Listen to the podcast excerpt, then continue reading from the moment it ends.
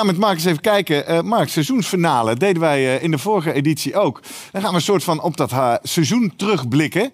En even de hoogtepunten uit het eh, nieuws in het vakgebied bespreken. Dan zeg je, ja Gerrit, dat kan niet. Ik doe dat iedere week in zo'n busy season talks. Maar toch is het jou gelukt om drie punten eruit te lichten. Wat, wat moeten we even meenemen vanavond? Nou, drie punten. Ehm, ja, ik denk het belangrijkste wat ik, wat ik voor mezelf vaststelde toen ik er doorheen ging... van al die afleveringen van het afgelopen seizoen... is eigenlijk dat er ook in de media nog steeds veel aandacht is voor het beroep als geheel. En dat heeft nou eens in tegenstelling tot eerdere jaren niet te maken met dat de kwaliteit niet goed zou zijn of dat er incidenten zijn. Hè, want eigenlijk er zijn zoveel maatregelen genomen, die kwaliteit, daar zit het gewoon goed mee. Hè. Dus dat, dat is het issue niet. Maar er gebeuren andere dingen waardoor je toch, nou, eh, dit afgelopen voorjaar iedere keer weer voorpagina Financiële Dagblad. Hè, dus eh, er gebeurt in die Wat, sector van dat alles. met jou als hoofdredacteur van accountant.nl? Als de accountant op de voorpagina van het Nee, prima. Fantastisch. Ja. Weet je? En, dat, en, en daar Maakt jouw hart dan een sprongetje? Denk je, we zijn Nou, maar dat- ik, ik zit er wel met een soort ingehouden trots ochtends om half zeven even de krant te Ja, lezen. zeg maar, hè. En dan kan ik ook thuis zeggen, kijk, eh,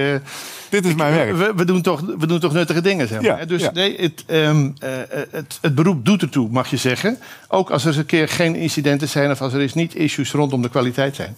Nou, ehm, je kunt een heleboel dingen van het afgelopen jaar natuurlijk eh, terughalen.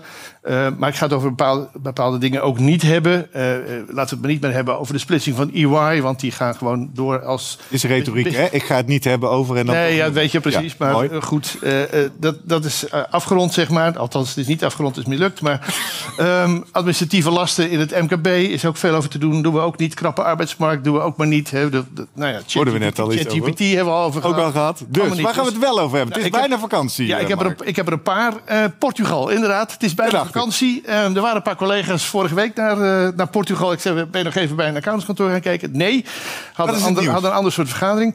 Ehm, heel actueel, beursfonds Value8. Kon in Nederland geen accountant vinden. Althans, dat was hun eigen statement. Is een eh, beursfonds, heeft een OOB-accountant nodig. Zijn er maar zes in Nederland. Lukte niet. Zat op het strafbankje bij Euronext. eh, dreigde eh, die listing. Nou, CEO Peter Paul de Vries is een creatief man. Die dacht, weet je wat, ik doe het anders. Wat je van ver haalt is lekker. Ehm, ik ga naar Portugal en eh, eh, daar haal ik een accountant. Nou, eh, heel slim. Hij had namelijk de spelregels goed gelezen. Want het mag van de wet. sinds 2017 mag je als buitenlands kantoor hier bij de AFM een vergunning aanvragen. Nou, drie maanden proces. allemaal keurig geregeld op papier. Ehm, en dat, eh, dat lijkt dus in ieder geval eh, juridisch in orde. Hè? Euronext zegt ook, eh, volgens ons is dat juridisch in orde. Heel grappig eigenlijk, die regel bestaat al zes jaar. En toch heeft Value 8 de primeur. Dus blijkbaar is het niemand opgevallen dat dat al jarenlang kan. Mark, waarom is dit spannend nieuws? Nou, omdat eh, we hebben natuurlijk in Nederland eh, van alles gedaan de afgelopen jaren om de kwaliteit van eh, de audit te verhogen. Er is eigenlijk bovenop die Europese regelgeving zijn allerlei laagjes gestapeld van extra eisen die we hier hebben ingevoerd. Eh, accountantskantoor, OB-kantoor moet een raad van commissarissen hebben, geschiktheidstoetsingen, van alles en nog wat. Eh, maar Europees, op Europees niveau gelden dat soort aanvullende eisen niet. Eh, en nou ja, dan eh, wordt Dus er dan dus bestaat er een zorg over de kwaliteit. dan komt er, een zorg, komt er een zorg over de kwaliteit. Hè. Ehm, er zijn natuurlijk een aantal partijen, de VEB, hè, de, de Vereniging van Effectenbezitters, die zegt van let op op de kwaliteit. De AFM zegt ja, wij zijn afhankelijk van onze eh, toezichthoudende collega's in Portugal, maar we gaan het wel goed monitoren. Euronext zegt dus, nou, het mag juridisch. Eh, eh, de NBA zegt van ja, eh, wij willen wel toch een beetje greep op die kwaliteit houden. Want we hebben daar wel zorg over. Dus moeten we niet gaan kijken of je aanvullende eisen mag stellen aan een kantoor dat hier ook zich op die markt Ja. begeeft. Want ze hebben lekker wat drempels opwerpen om de ja, markt op te hè, komen. Van zes kantoren OOB heb je er ineens zeven. En ze zijn natuurlijk een beetje bang dat andere bedrijven gaan zeggen... nou, laten we die route ook maar volgen, want dan hebben we minder hindernissen. Op zich, ik vind het wel een leuke, creatieve kwestie. Hè, want het, het niet alleen geeft het natuurlijk reuring... maar het is ook een bijzondere oplossing. En één ding maakt het in ieder geval duidelijk. De Nederlandse markt is heel krap. Hè, want in Portugal heb je geloof ik 190 OOB-kantoren of zo. In, Oh. in, alleen al in Lu- Luxemburg hebben ze tien keer zoveel OOB-kantoren als hier. In Frankrijk hebben er 500. Hè, dus Zeg daar jij, spelen die is het een kans of een bedreiging? ik denk dat het een kans is waar we ongetwijfeld nog lang niet het laatste over gelezen hebben.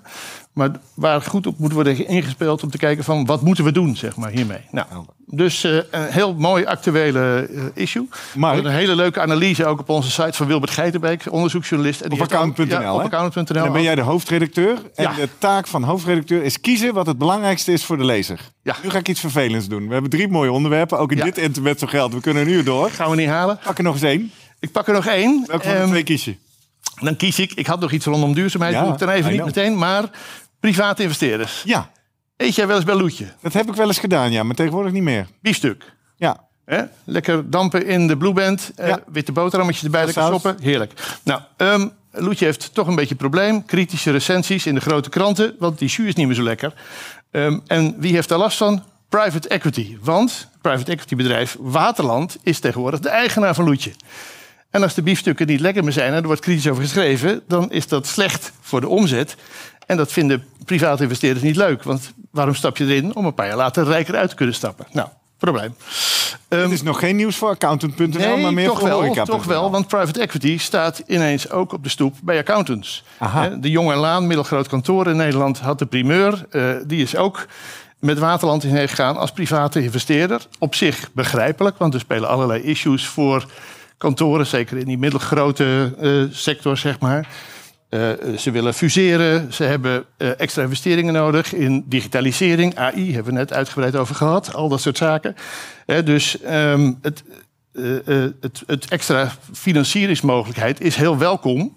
Um, en dat geeft tegelijkertijd ook discussie. Hè? De AFM reageert, komt met een sectorbericht. Let op de risico's, hè? want we snappen dat er kansen zijn. Maar denk vooral goed over de risico's op de korte en de langere termijn. En wat, wat, voor soort risico's kleven hier aan, Mark? Nou ja, dat heeft vooral te maken met bijvoorbeeld commerciële druk. Hè? Want bedoel, zo'n privaat investeerder stapt erin om te zorgen dat het rendeert. Dat komen ze niet, hè, als ja. de business case. En, en uh, normaal gesproken stapt zo'n investeerder na een jaar of vijf, zes weer op en zegt van oké, okay, ik ben erin.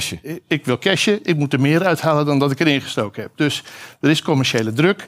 Er is uh, uh, de noodzaak om tijdig na te denken over die exit-strategie. Hoe gaan we dat oplossen? En nou ja, dat kan de kwaliteit onder druk zetten. Hè? Dat je bepaalde dingen toch maar doet omdat je een klant wil houden, omdat je nou eenmaal commerciële druk hebt. Dus, dus daar is de. Het, de, het wordt gezien als een dreiging voor de mogelijke kwaliteit. Ja, en tegelijkertijd zegt bijvoorbeeld de MBA: wij snappen ook die risico's onderken die, manage die. Maar we snappen ook die investeringsbehoeften. Want ja, uh, er is nou helemaal veel ontwikkeling in de markt. En daar moet je iets mee. Hè. Als je kennis moet inkopen, als je nieuwe technologie wil inkopen... dan kun je je voorstellen dat dat soort partijen interessant zijn. Maar er kleven dus wel risico's aan. Nou.